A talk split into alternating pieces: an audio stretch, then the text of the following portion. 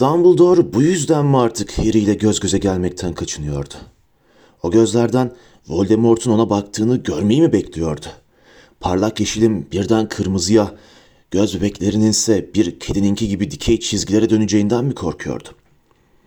Harry bir zamanlar Voldemort'un yılanımsı yüzünün nasıl zorla Profesör Quirrell'ın başının arkasından çıktığını hatırladı. Ve insanın kafatasından Voldemort'un baş vermesi nasıl bir his olurdu diye merak ederek eliyle kendi kafasını yokladı. Kendini pis, hastalıklı hissediyordu. Ölümcül bir mikrop taşıyordu sanki. Hastaneden dönerken metroda zihinlerine ve bedenlerine Voldemort'un lekesi işlememiş, masum, temiz insanlarla birlikte oturmayı hak etmiyormuş gibi geliyordu Harry'e. O yılanı görmekle kalmamıştı. O yılan olmuştu. Bunu biliyordu artık. Sonra aklına gerçekten korkunç bir şey geldi. Zihninde su yüzüne çıkan ve midesini yılan gibi vuran bir anı. Mürit dışına neyin peşindeymiş? Sadece sinsice elde edebileceği şeyler. Silah gibi bir şey. Geçen sefer sahip olmadığı bir şey. Silah benim diye düşündü Harry. Sanki damarlarında zehir akıyordu. Onu donduruyor, karanlık tünelin içine trenle birlikte sallanırken ter içinde bırakıyordu. Voldemort'un kullanmaya çalıştığı benim. O yüzden nereye gitsem etrafımda korumalar var. Mesele benim korunmam değil, diğer insanların benden korunması. Ama işe yaramıyor. Hogwarts'a sürekli peşimde birini bulunduramazlar. Dün gece Bay Weasley'e gerçekten saldırdım. Bendim o. Bunu bana yapan Voldemort. O yaptırdı bana. Şimdi bile içimde olabilir. Düşüncelerimi dinliyor olabilir. İyi misin Harry'ciğim? diye fısıldadı Bayan Weasley. Tren karanlık tünelin içinde hızla ve gürültüyle ilerlerken eğilip Ginny'nin önünden başını uzatarak ''Peki iyi görünmüyorsun. Hasta mısın?'' Hepsi ona bakıyordu. Başını çılgınca iki yana salladı ve gözlerini bir ev sigortası ilanına dikti. ''Harry canım iyi olduğuna emin misin?'' dedi Bayan Weasley kaygılı bir sesle. Şimdi Grimmauld meydanının ortasındaki bakımsız çimin etrafından yürüyorlardı. Öyle solgun görünüyorsun ki bu sabah uyuduğuna emin misin? Şimdi hemen yukarı çıkıp yat. Böylece akşam yemeğinden önce bir iki saat uyuyabilirsin. Oldu mu? Harry peki dercesine başını salladı. Eline diğerleriyle konuşmamak için hazır bir mazeret geçmişti işte. Zaten istediği tam da buydu. O yüzden Bayan Weasley ön kapıyı açar açmaz aceleyle ifrit bacağı şemsiyeliğin yanından geçip yukarıya Ron'la birlikte kaldıkları yatak odasına çıktı. Odada volta atmaya başladı. İki yatağın ve Phineas Nigeles'ın boş resim çerçevesi önünden geçip duruyor. Beyni sorularla ve gittikçe daha da korkunçlaşan fikirlerle kaynıyor, köpürüyordu. Nasıl yılan olmuştu? Belki de bir animagust'u. Hayır, olamazdı. Olsaydı bilirdi. Belki Voldemort bir animagust'u. Evet diye düşündü Harry. Bu uyuyordu işte. O olsa olsa bir yılana dönüşürdü tabii. Ve beni ele geçirdiğinde ikimiz de biçim değiştiriyoruz. Yine de bu 5 dakika içinde nasıl Londra'ya gidip geri döndüğümü açıklamıyor. Ama Voldemort Dumbledore'dan sonra dünyanın en güçlü büyücüsü sayılır. Herhalde insanları öyle bir yerden bir yere taşımak onun için bir sorun değildir. Sonra içinde aniden bir panik duygusu kabararak ama bu delilik diye düşündü. Voldemort beni ele geçiriyorsa şu anda ona Zümrüt Anka yoldaşlığı karargahının nerede olduğunu açıkça gösteriyorum. Yoldaşta kimlerin bulunduğunu ve Sirius'un nerede olduğunu öğrenecek. Ayrıca duymamam gereken bir sürü şey duydum. Buraya ilk geldiğim gece Sirius'un söyledikleri. Tek seçenek vardı. Grimmauld meydanından hemen ayrılması gerekiyordu. Noel'i diğerlerinden uzakta Hogwarts'a geçirecekti. Böylece onlar hiç olmazsa tatilde güvende olurlardı. Ama hayır. Bu da işe yaramazdı çünkü Hogwarts'ta da sakatlayacak ve yaralayacak birçok insan olacaktı. Ya bir dahaki sefere sıra Seamus, Dean ya da Neville'a gelirse. Volt atmayı bıraktı ve gözlerini Finis Nigelus'ın içi boş çerçevesine dikti. Midesine kasvetli bir his çöreklenmişti. Başka seçeneği yoktu. Private Drive'a dönecek, kendini diğer büyücülerden tamamen koparacaktı. Eh madem böyle bir şey yapacaktı, oyalanmanın anlamı yoktu. Dursley'lerin onu beklediklerinin altı ay önce kapı eşiğinde bulunca nasıl bir tepki vereceklerini düşünmemek için kendini zorlayarak sandığına gitti. Kapağını kapayıp kilitledi.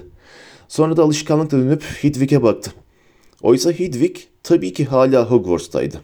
Eh, en azından bir donun kafesini taşımak zorunda kalmayacaktı. Sandığının bir ucundan tuttu. Tam kapıya doğru sürüklerken kulağına küçümser bir ses geldi. Kaçıyoruz öyle mi? Harry dönüp baktı. Portresinin tuvalinde belirmiş olan Finis Nigelus çerçevesine yaslanmış, Harry'i yüzüne pek eğlenirmiş gibi bir ifadeyle seyrediyordu. Hayır kaçmıyorum diye kestirip attı Harry. Sandığını bir iki metre daha sürükleyerek.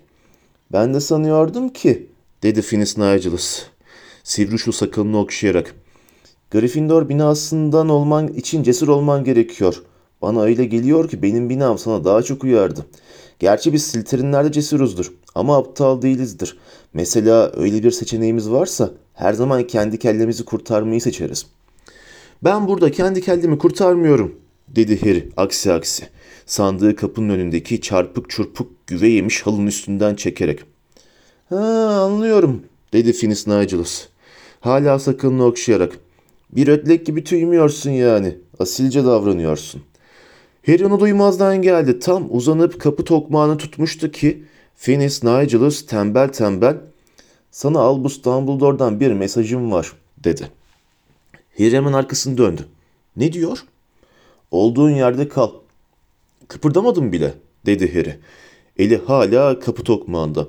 Ee nedir mesaj? Az önce ilettim ya dedi Finis Nigelus yumuşak bir sesle. Dumbledore olduğun yerde kal diyor. Niye? dedi Harry hevesle. Sandığının ucunu bırakarak. Niye benim kalmamı istiyor? Başka ne dedi? Hiçbir şey dedi Finis Nigelus. İnce siyah kaşlarından birini kaldırarak.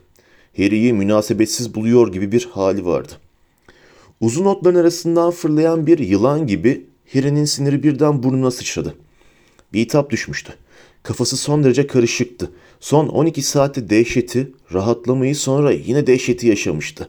Ve Dumbledore hala onunla konuşmak istemiyordu. Bu kadar mı yani? dedi yüksek sesle. Olduğun yerde kal ha? Uğur yemicilerin saldırısına uğradıktan sonra söyledikleri tek şey de buydu zaten. Büyükler meseleyi çözüyor. Sen yerinden ayrılma yeri. Ama zahmet edip de bana bir şey anlatmayacağız. Çünkü o minnacık beyin anlatılanı almayabilir. Biliyor musun? dedi Finis Nigelus. Harry'den de yüksek sesle. İşte tam da bu yüzden öğretmenlikten nefret ediyordum. Gençler her konuda haklı olduklarından öyle iflah olmaz bir şekilde eminler ki. Hogwarts müdürünün sana planların en küçük ayrıntısına kadar anlatmamak için çok iyi bir sebebi olabileceği hiç aklına geldi mi? Zavallı kurumlu züppen benim. Haksızlığa uğradığını düşünürken şöyle bir durup da şimdiye kadar Dumbledore'un emirleri yüzünden asla zarara uğramadığını aklına getirdin mi? Hayır. Hayır, bütün gençler gibi. Öylesine eminsin ki sadece senin düşünebildiğinden. Sadece senin hissedebildiğinden. Sadece senin tehlikeli farkında olduğundan. Sadece senin karanlık lordun neler planladığını. Benimle ilgili bir şey planlıyor yani. Dedi Harry çabucak. Öyle bir şey mi dedim?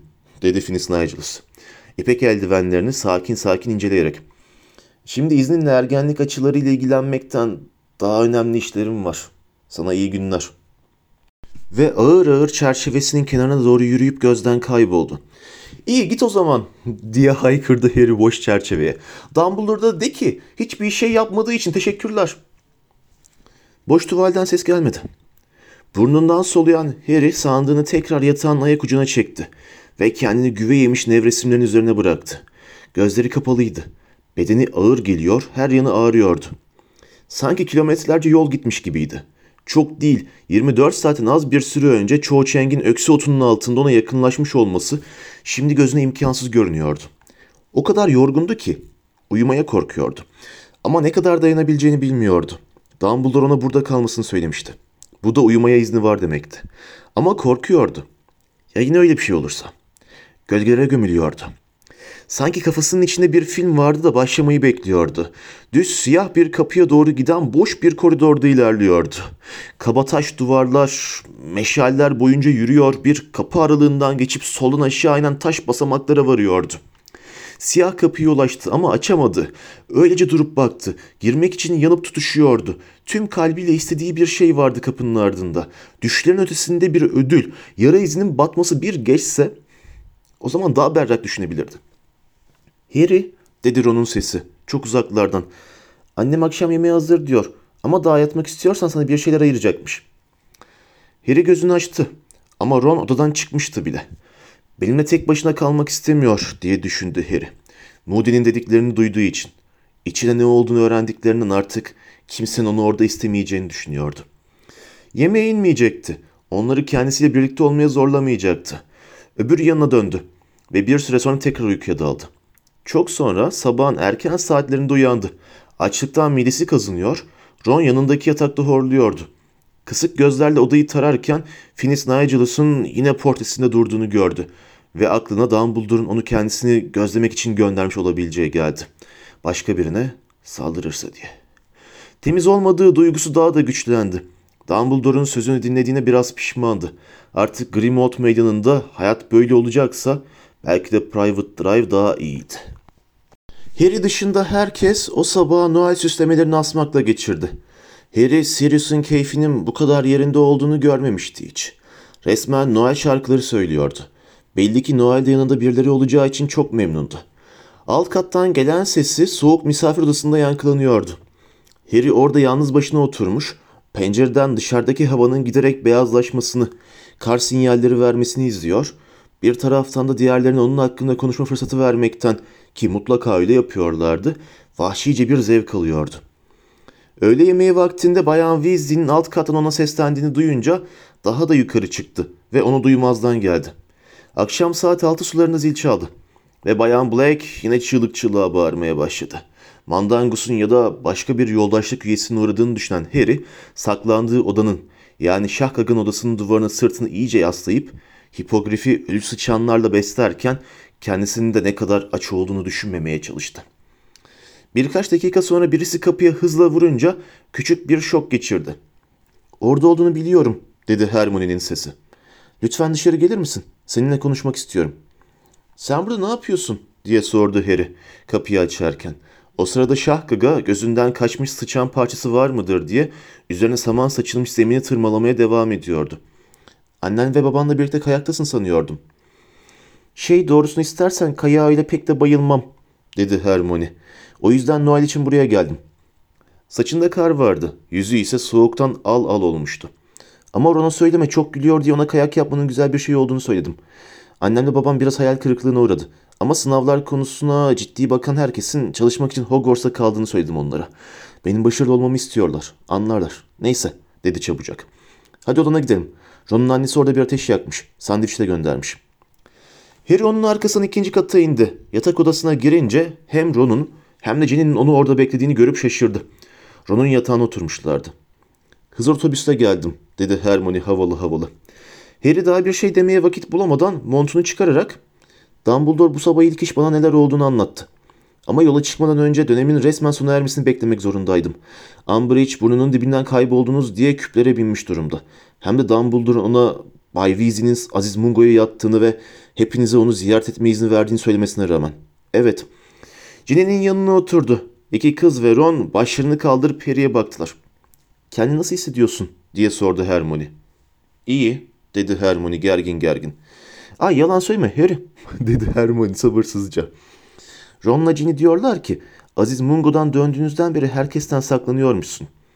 Demek öyle diyorlar ha? dedi Harry Ron'la Ginny'ye ateş saçan gözlerle bakarak. Ron başını öne eğip ayaklarına baktı ama Ginny pek utanmışa benzemiyordu. E öyle yaptın dedi. Ayrıca hiçbirimizin yüzüne bakmıyorsun. Asıl siz benim yüzüme bakmıyorsunuz dedi Harry kızgın bir sesle. Belki sırayla bakıyorsunuzdur da birbirinizin bakışını kaçırıyorsunuzdur, dedi Hermione ağzının kenarları bir gülümsemenin eşiğine titreyerek. Çok komik, diye çıkıştı Harry. Arkasını döndü. Ay bırak şu yanlış anlaşılıyorum hissini, dedi Hermione sert bir sesle. Bak bana dün gece uzayan kulaklarda duyduklarını anlattılar. Öyle mi?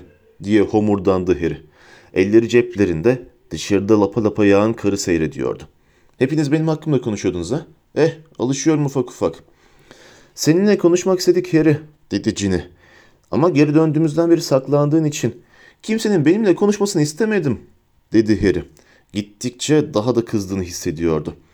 Eh biraz aptallık etmişsin o zaman dedi Ginny kızgın kızgın. Kim olduğunu bilirsin sen tarafından ele geçirilmiş benden başka birini tanımadığına göre ben sana bunun nasıl birisi olduğunu söyleyebilirdim. Bu sözlerin etkisi içine işlediğinde Harry olduğu yerde dona kaldı. Sonra dönüp ona baktı. Unutmuştum dedi. Ne şanslısın dedi Ginny sakin sakin. Özür dilerim dedi Harry. Bunu gerçekten kastederek. Yani yani sence ele mi geçiriliyorum o zaman?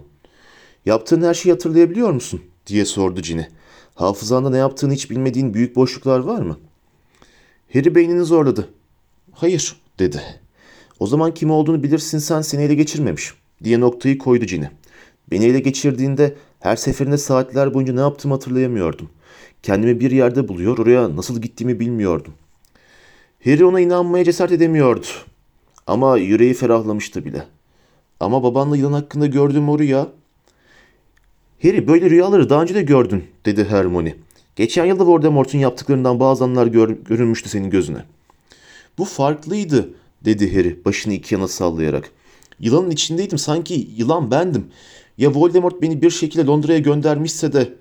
Bir gün diye araya girdi Hermione. İyiden iyiye kızgın bir halde. Hogwarts bir tarih okuyacaksın. Belki o zaman Hogwarts'a cisimlenemeyeceğini ve buharlaşılamayacağını unutmazsın bir daha. Voldemort bile yatakhanenden uçup gitmeni sağlayamazdı Harry. Yatağından hiç çıkmadın abi dedi Ron. Seni uyandırmamızdan hemen önce en az bir dakika uykuna dönüp durduğunu gördüm. Harry düşünmeye ve yine odada bir aşağı bir yukarı yürümeye başladı. Söyledikleri şeyler yalnızca rahatlatıcı değildi. Mantıklıydı da. Düşünmeden yatağın üzerindeki tepsiden bir sandviç alıp iştahla ağzına tıktı. Demek silah ben değilim diye düşündü. Yüreği mutluluk ve rahatlamayla doldu.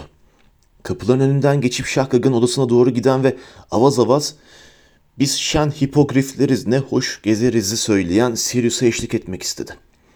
Noel için Private Drive'a dönmeyi nasıl düşünebilmişti ki? Sirius'un evin yine dolmasından, özellikle de Harry'nin orada olmasından duyduğu sevinç bulaşıcıydı. Yazın gördükleri o asık suratla ev sahibi gitmişti. Şimdi herkesin Hogwarts'takinden daha çok olmasa da bir o kadar eğlenmesini sağlamaya kararlıydı. Noel arifesinde bıkmadan usamadan çalışıp onların da yardımıyla etrafı temizledi ve süsledi. Öyle ki o akşam yatmaya gittiklerinde ev tanınmayacak hale gelmişti. Kararmış şamdanlar artık örümcek ağıyla değil, çoban püskülü, altın ve gümüş serpantinleriyle kaplıydı.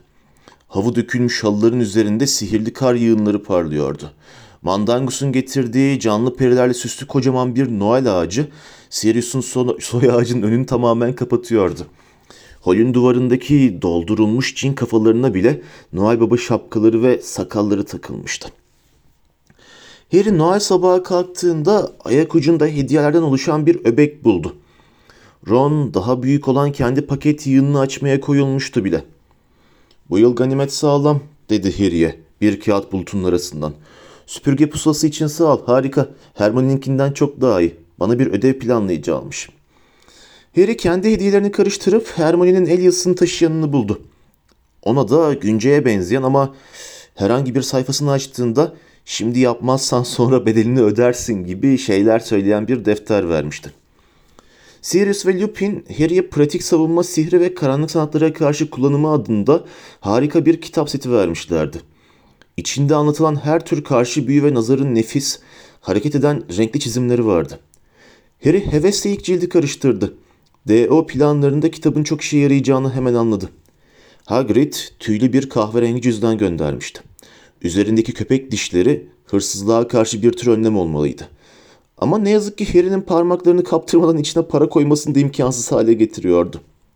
Tanks'ın hediyesi küçük, gerçeğe gibi çalışan bir ateş oku maketiydi. Harry onun odada uçuşunu izleyip keşke gerçeği bende olsa diye düşündü. Ron ona koca bir kutu bin bir çeşit fasulye şekerlemesi vermişti. Bay ve Bayan Weasley her zamanki gibi el işi bir kazak ve biraz kıymalı börek. Dobby ise gerçekten felaket bir tablo vermişti. Harry onu bizzat cinin yaptığından şüphelendi.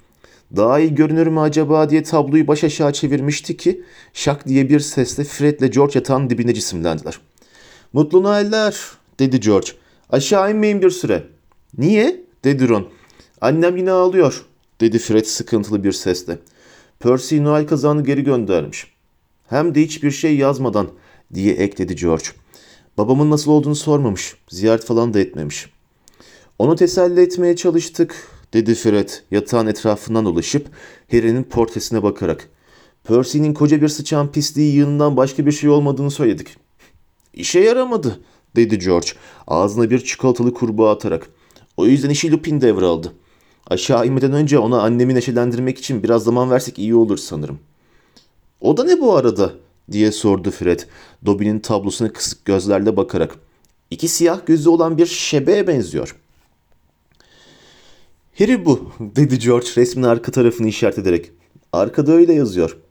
Bayağı benzememiş dedi Fred sırıtarak. Harry ona yeni ödev güncesini fırlattı. Günce karşı duvara çarpıp yere düştü ve hiçbir ayrıntıyı ihmal etmediyseniz şimdi istediğinizi yapabilirsiniz dedi mutlu mutlu. Kalkıp giyindiler. Evin sakinlerinin birbirlerine mutlu Noeller diye seslendiklerini duyabiliyorlardı. Aşağı inerken Hermione'ye rastladılar. Kitap için teşekkürler Harry dedi mutlulukla. Yeni numeroloji kuramını ne zamandır istiyordum. O parfüm de bayağı sarı Ron. Sorun değil dedi Ron. Kimin için o bu arada diye ekledi. Hermione'nin elindeki güzelce paketlenmiş hediyeyi başıyla işaret ederek. Creature dedi Hermione neşeyle. Umarım giysi değildir diye uyardı Ron. Sirius ne dedi unuttun mu? Creature çok şey biliyor. Onu özgür bırakamayız. Giysi değil dedi Hermione. Gerçi bana kalsa giymesi için o üzerindeki paçavradan başka bir şey verirdim kesin. Hayır yama işi yorgan bu. Yatak odasına renk getirir diye düşündüm. Hangi yatak odası dedi Harry. Sirius'un annesinin portresinin önünden geçerlerken sesini iyice alçalttı fısıldayarak. Şey, Sirius oranın pek yatak odası sayılmayacağını daha çok bir in olduğunu söylüyor dedi Hermione. Anlaşılan mutfağın yanındaki o yüklüğün içinde kazanın altında uyuyor. Bodrum'a vardıklarında orada bir tek Bayan Weasley vardı. Ocağın başına duruyordu. Onlara mutlu Noeller dilediğinde sesi nezleli gibi çıktı. Hepsi gözlerini ondan kaçırdılar. Ee, Cratchit'in yatak odası bu mu? dedi Ron. Kilerin karşısında bulunan kir içindeki kapıya giderek. Harry o kapıyı hiç açık görmemişti. Evet, dedi Hermione. Sesi biraz ürkek çıkıyordu şimdi. Şey, sanırım kapıya vursak iyi olacak. Ron parmaklarının boğumlarıyla kapıya birkaç kez vurdu. Ama içeriden cevap gelmedi.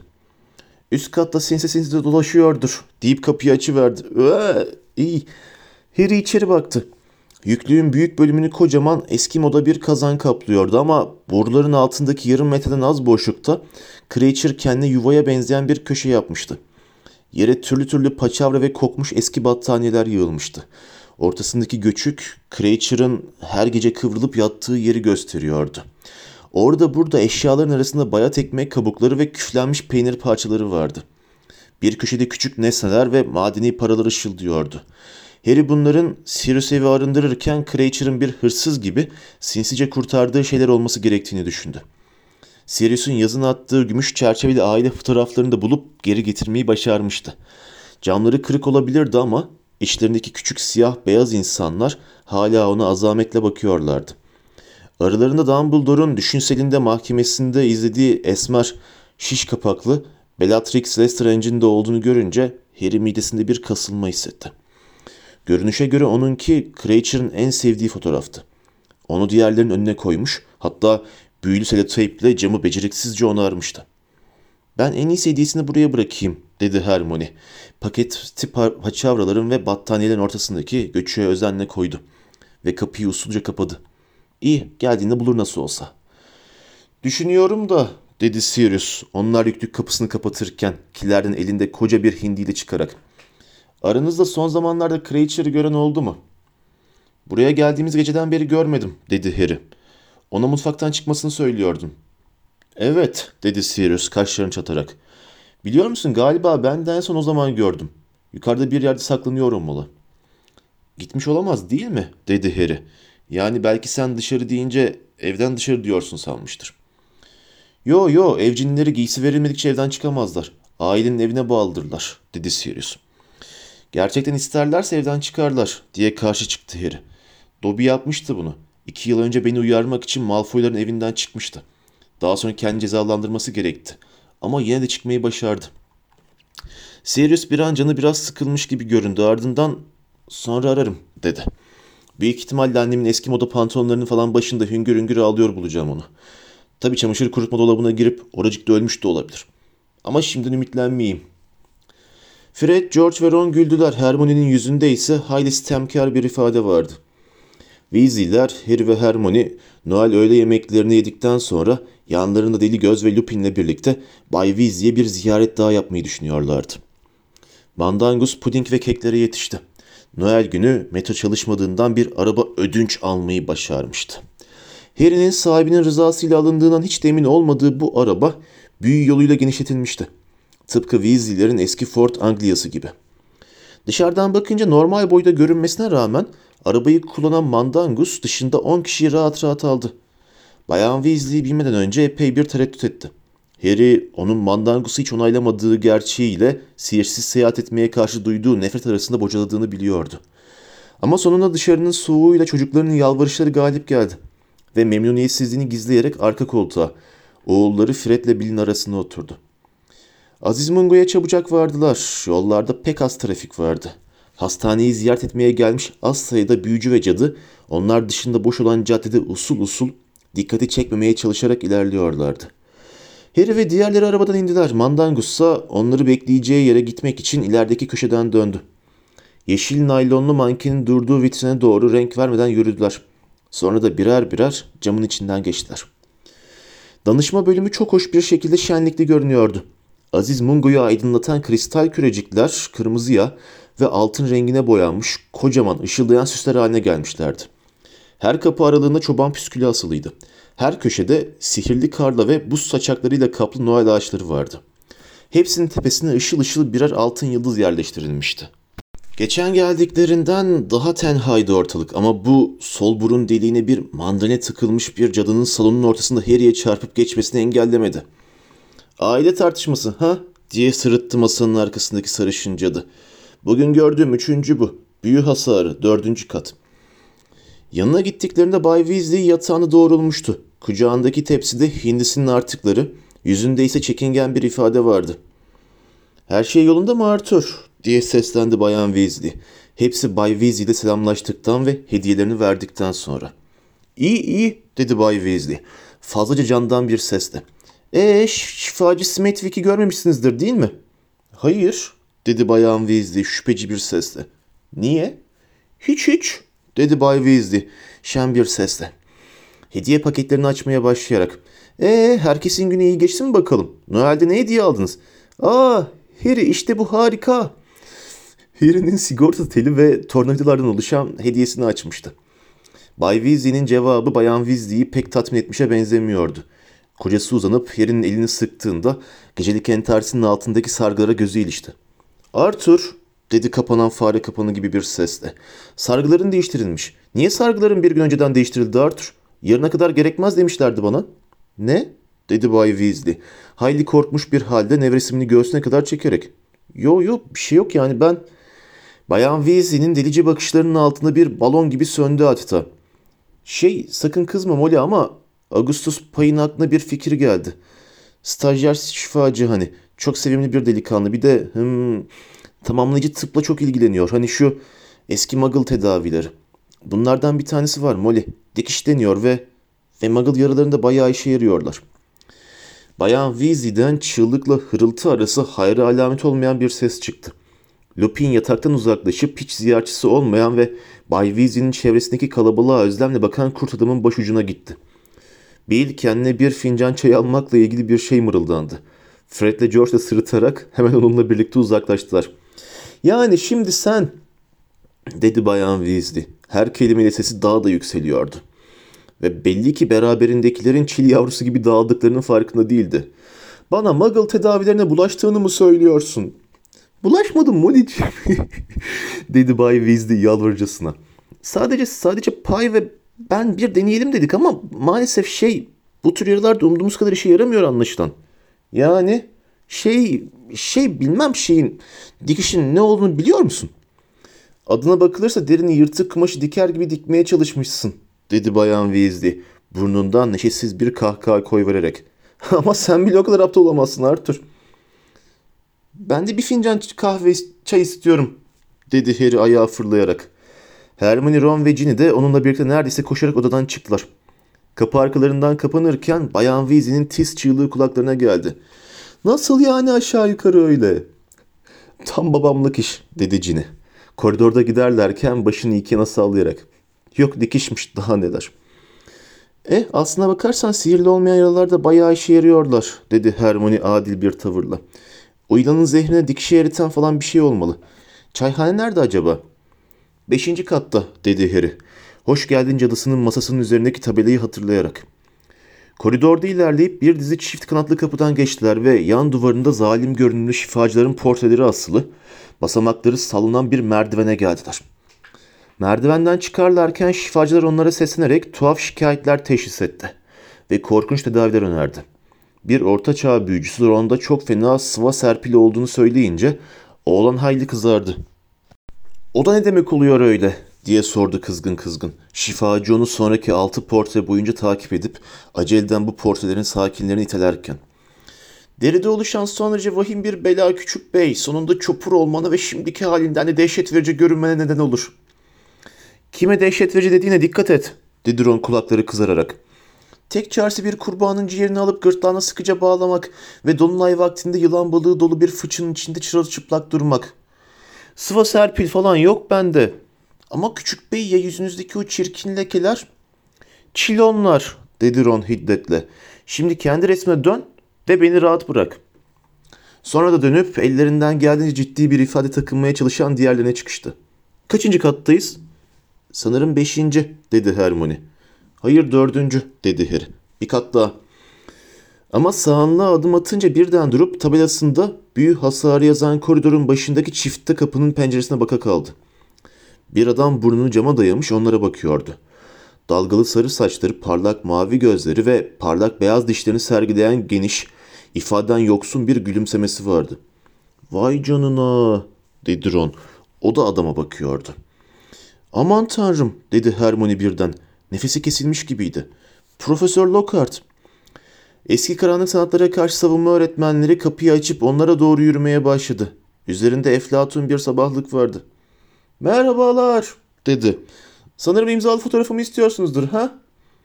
Harry Ginny'e pek değişmemiş değil mi diye fısıldadı. Ginny sırıttı. Ee nasılsınız profesör dedi Ron sesinde hafif bir suçluluk duygusuyla. Profesör Lockhart'ın hafızasının fena hali zarar görüp Aziz Mungo'ya yatmasına neden olan şey Ron'un bozuk asasıydı. Ama Lockhart o sırada o asayla Harry ve Ron'un hafızalarını geri dönülmez bir şekilde silinmeye çalıştığı için Harry ancak bir yere kadar merhamet duyabiliyordu. Çok iyiyim gerçekten teşekkür ederim dedi Lockhart coşkuyla. Cebinden hayli hırpalanmış bir tavus kuşu tüyü çıkararak. Pekala kaç tane imzalı resim istiyorsunuz? Artık el yazısı yazabiliyorum. Şey şu anda hiç istemiyoruz teşekkürler dedi Ron. Harry'e kaşlarını kaldırarak. Harry ise profesör koridorlarda dolaşmanıza izin var mı diye sordu. Koğuşta olmanız gerekmiyor mu? Lockhart'ın yüzündeki gülümseme yavaş yavaş silindi. Bir süre Harry'e büyük bir dikkatle baktı. Sonra da daha önce karşılaşmamıştık değil mi? dedi. Ee, evet karşılaşmıştık aslında dedi Harry. Hogwarts'ta bize öğretmenlik yaptınız. Hatırlıyor musunuz? Öğretmenlik mi? diye tekrarladı Lockhart. Biraz tedirgin bir halde. Ben mi? Öyle mi? Sonra gülümsemesi yüzüne öyle ani döndü ki korkutucu bir manzaraydı. Bildiğiniz her şeyi ben öğrettim size herhalde ha? E, o imzalı fotoğraflar ne dersiniz bakalım? Yuvarlak hesap bir düzine yapalım mı? Böylece bütün küçük arkadaşlarınıza verebilirsiniz. Kimse açıkta kalmaz. Ama tam o sırada koridorun öteki ucundan bir kafa göründü ve Cilderoy seni yaramaz çocuk yine nereye gittin diye seslendi. Saçına simli kumaştan bir çelenk takmış epey anaç görünümlü bir şifacı koridorda onlara doğru yürüyor. Harry ve diğerlerin içtenlikle gülümsüyordu. Aa Cilderoy ziyaretçilerim var demek. Ne kadar güzel hem de Noel'de. Biliyor musunuz hiç ziyaretçisi olmuyor zavallıcık. Niye olduğunu hiç bilmiyorum. Öyle tatlı bir şey ki. Öyle değil misin sen bakayım? İmzalı fotoğraf veriyorum dedi Cilderoy şifacıya yüzünde parıldayan bir gülümsemeyle. Yığınla istiyorlar. Hayır cevabını da kabul etmiyorlar. Umarım yeterli fotoğrafımız vardır. Şunu dinlesenize bir dedi şifacı. Lockhart'ın koluna girip büyümüş de küçülmüş iki yaşında bir çocuğa gülümser gibi gülümsedi ona. Birkaç sene önce hayli meşhurdu. Bu imzalı fotoğraf verme hevesi hafızasının geri dönmeye başladığını işarettir diye umuyoruz. Buradan gelir misiniz?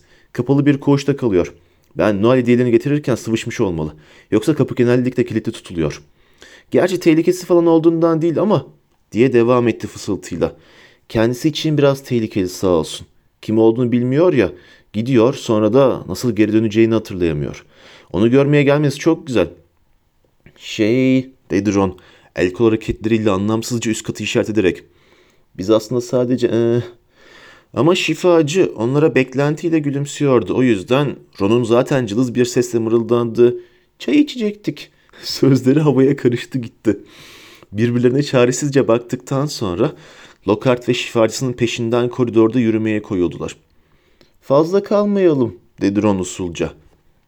Şifacı asasını Janus Tiki koğuşuna doğrultup Allahomom diye mırıldandı. Kapı açıldı ve içeri girdiler. Önden giden şifacı Cildero'yu kolundan sıkı sıkı tutarak yatağının yanına götürüp oradaki koltuğa oturttu. Şifacı alçak sesle bu uzun süreli hastalarımızın kaldığı koğuş diye bilgilendirdi Harry, Ron, Hermione ve Ginny'yi.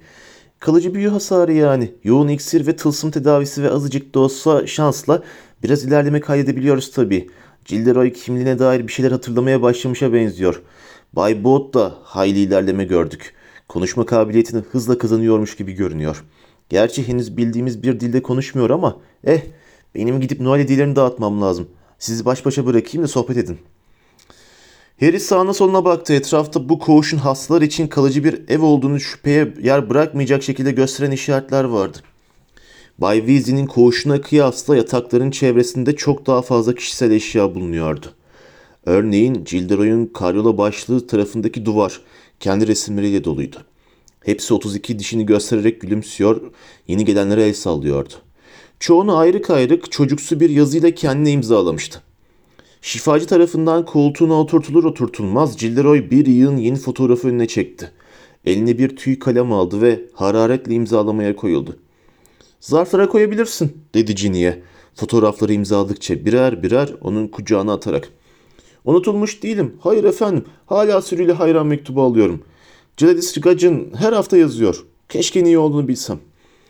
Yüzünde hafif şaşkın bir ifadeyle durakladı. Sonra yeniden gülümsedi ve tazelenmiş bir enerjiyle imzalama işine döndü. Sanırım sırf yakışıklılığımdan. Karşı yatakta solgun benizli, kederli görünen bir büyücü uzanmış, tavana bakıyordu. Kendi kendine mırıldanıyor, etrafın hiç farkında değilmiş gibi görünüyordu. İki yatak ötede bütün kafası kürkle kaplı bir kadın vardı. Harry ikinci sınıfta Hermione'nin de başına buna benzer bir şey geldiğini hatırlıyordu ama çok şükür onun hasarı kalıcı olmamıştı. Koğuşun en uzak tarafındaki iki yataktaysa yatanlara ve ziyaretçilere biraz mahremiyet vermek için çiçekli perdelerle çevrilmişti. Şifacı kürklü kafalı kadına Noel hediyelerinden oluşan küçük bir yığın vererek ''Al bakalım Ains'' dedi neşeli bir sesle. ''Unutulmamışsın gördün mü? Oğlun da baykuş gönderdi. Bu gece ziyarete geleceğini söylüyor. Güzel değil mi? Ains yüksek sesle birkaç kez havladı. Bak Broderick sana da bir saksı bitkisi ve her ay için farklı farklı güzel birer hipogrifin olduğu çok hoş bir takvim gönderilmiş. Burayı şenlendirir değil mi? dedi şifacı. Mırıldanan adamın yanına gitti ve bir oraya bir buraya salınan uzun dokunaçlara sahip hayli çirkin görünümlü bir bitkiyi komodinin üzerine koydu. Asasını kullanarak takvimi duvara astı. Ve aa bayan Longbottom Gidiyor musunuz hemen? Harry hızla başını çevirdi. Koğuşun sonundaki iki yatağı çevreleyen perdeler açılmıştı ve iki ziyaretçi yatakların arasından kapıya doğru yürüyordu. Uzun yeşil bir elbise, güve yenikli bir tilki kürkü ve besbelli doldurulmuş bir akbabayla süslü, sivri tepeli bir şapka giymiş ürkütücü görünümlü ihtiyar bir cadıyla hemen arkasında yürüyen ve canı feci şekilde sıkkın görünen Neville. Birden bütün parçalar yerine oturdu ve Harry uçtaki iki yatakta kimlerin olduğunu anladı. Neville fark edilmeden ve soru sorulmadan koğuştan çıkabilsin diye Harry panik içinde etrafına bakıp diğerlerinin dikkatini başka bir yere çekmenin yolunu aradı. Ama Longbottom adını duyan Ron da başını kaldırmıştı. Harry onu durduramadan Neville diye seslendi. Neville sıçradı ve sanki bir kurşun onu kıl ıskalamış gibi sindi. Biziz Neville dedi Ron neşeyle ayağa kalkarak. Gördün mü Lockhart? Burada. Seni kim ziyaret ediyordun? Sen kimi ziyaret ediyordun diye sordu Ron Neville'a. Arkadaşlarım mı Neville'cığım? dedi Neville'ın büyük annesi nazik bir sesle. Heybetle üstlerine gelerek. Neville'ın dünyada olmak istediği son yer burasıymış gibi bir hali vardı. Tombul yüzüne sönük bir mor renk hücum etti. Hiçbiriyle göz göze gelmemeye çalışıyordu. ''Aa evet'' dedi Bayan Longbottom. Harry'e dik dik bakıp sıkması için buruşuk, pençe gibi bir el uzatarak. Evet, evet senin kim olduğunu biliyorum elbette. Neville senden övgüyle söz ediyor. Şey, teşekkürler dedi Harry el sıkışarak. Neville ona bakmıyor, kendi ayaklarını süzüyordu. Yüzü giderek daha da morarıyordu. Ve belli ki siz ikiniz Weasley'lerdensiniz diye devam etti Bayan Longbottom. Elini sırayla Ron'a ve Ginny'e sunarak. Evet, annenizle babanızı tanıyorum. Çok yakından değil tabii. Ama iyi insanlar. İyi insanlar. Sen de Hermione Granger olmalısın. Hermione, Bayan Longbottom'un adını biliyor olmasına hayli şaşırmış görünse de el sıkıştı. Evet, evet, Neville bana senden epey bahsetti. Onu birkaç zor durumdan kurtarmışsın değil mi? İyi bir çocuk. Dedi kemikli burnunu aşağı Neville'a değer biçermiş gibi ciddi bir ifadeyle bakarak. Ama korkarım ki babasının yeteneği yok onda. Başıyla koğuşun sonundaki iki yatağa işaret etti. Şapkasındaki doldurulmuş akbaba endişe verici bir şekilde sallandı. Ne? dedi Ron hayretle. Harry Ron'un ayağına basmak istiyordu ama cübbe değil de kot pantolon giydiğinde böyle şeyleri fark ettirmeden yapmak çok daha zordu. Oradaki senin baban mı Neville? Bu da ne demek oluyor? dedi Bayan Longbottom sert bir sesle. Arkadaşlarına annenle babanı anlatmadın mı Neville? Neville derin bir nefes aldı, gözlerini tavana dikti ve başını iki yana salladı. Harry ömründe kimse için daha çok üzüldüğünü hatırlamıyordu ama Neville'ı bu durumdan kurtarmak için aklına da hiçbir şey gelmiyordu. Bu utanılacak bir şey değil, dedi Bayan Longbottom kızgın kızgın. Gurur duymalısın Neville, gurur. Sıhhatlerini ve akıl sağlıklarını tek oğulları onlardan utansın diye feda etmediler. Utanmıyorum, dedi Neville. Zar zor duyulan bir sesle. Hala Harry ve diğerleri dışında her yere bakarak. Ron o iki yatakta yatanları görmek için parmak ucuna kalkmıştı.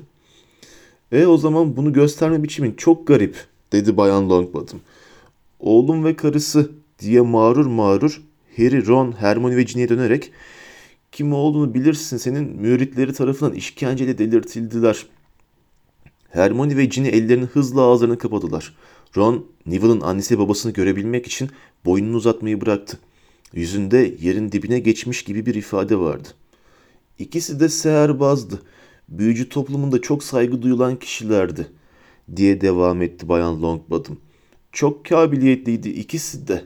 Ben, evet, Alice'ciğim, ne oldu? Neville'ın annesi sırtında geceliğiyle koğuşun öbür ucundan gelmişti. Yüzü Moody'nin ilk zümrüdü anka yoldaşlığını gösteren eski fotoğrafındaki o tombul, mutlu yüz değildi artık. İncelmiş ve yıpranmıştı. Gözleri fazla büyük, beyazlamış saçları ise tel tel ve cansız görünüyordu. Konuşmak istemiyormuş gibiydi. Belki de konuşamıyordu ama Neville'a doğru mahcup hareketler yapıp elinde tuttuğu bir şey uzatıyordu. Yine mi? dedi Bayan Longbottom biraz bıkkın bir sesle. Pekala Alice'ciğim, pekala. Neville al şunu. Neyse artık. Neville çoktan elini uzatmıştı. Annesi onun avucuna boş bir Drubble'ın en iyi balonlu sakızı ambalajı bıraktı. Çok güzel tatlım, dedi Neville'ın büyük annesi sahte bir neşeyle. Neville'ın annesinin omzunu okşayarak. Neville usulca teşekkürler anne dedi. Annesi kendi kendine mırıldanarak sallana sallana koğuşun öteki ucuna yürüdü. Neville döndü ve yüzünde meydan okuyan adeta cesaretiniz varsa gülün diyen bir ifadeyle onlara baktı. Ama Harry hayatında hiçbir şeyi komiklikten bu kadar uzak bulduğunu hatırlamıyordu. Eh dönsek iyi olur dedi Bayan Longbottom içini çekip uzun yeşil eldivenlerini eline geçirerek. Hepinizle tanıştığıma çok sevindim.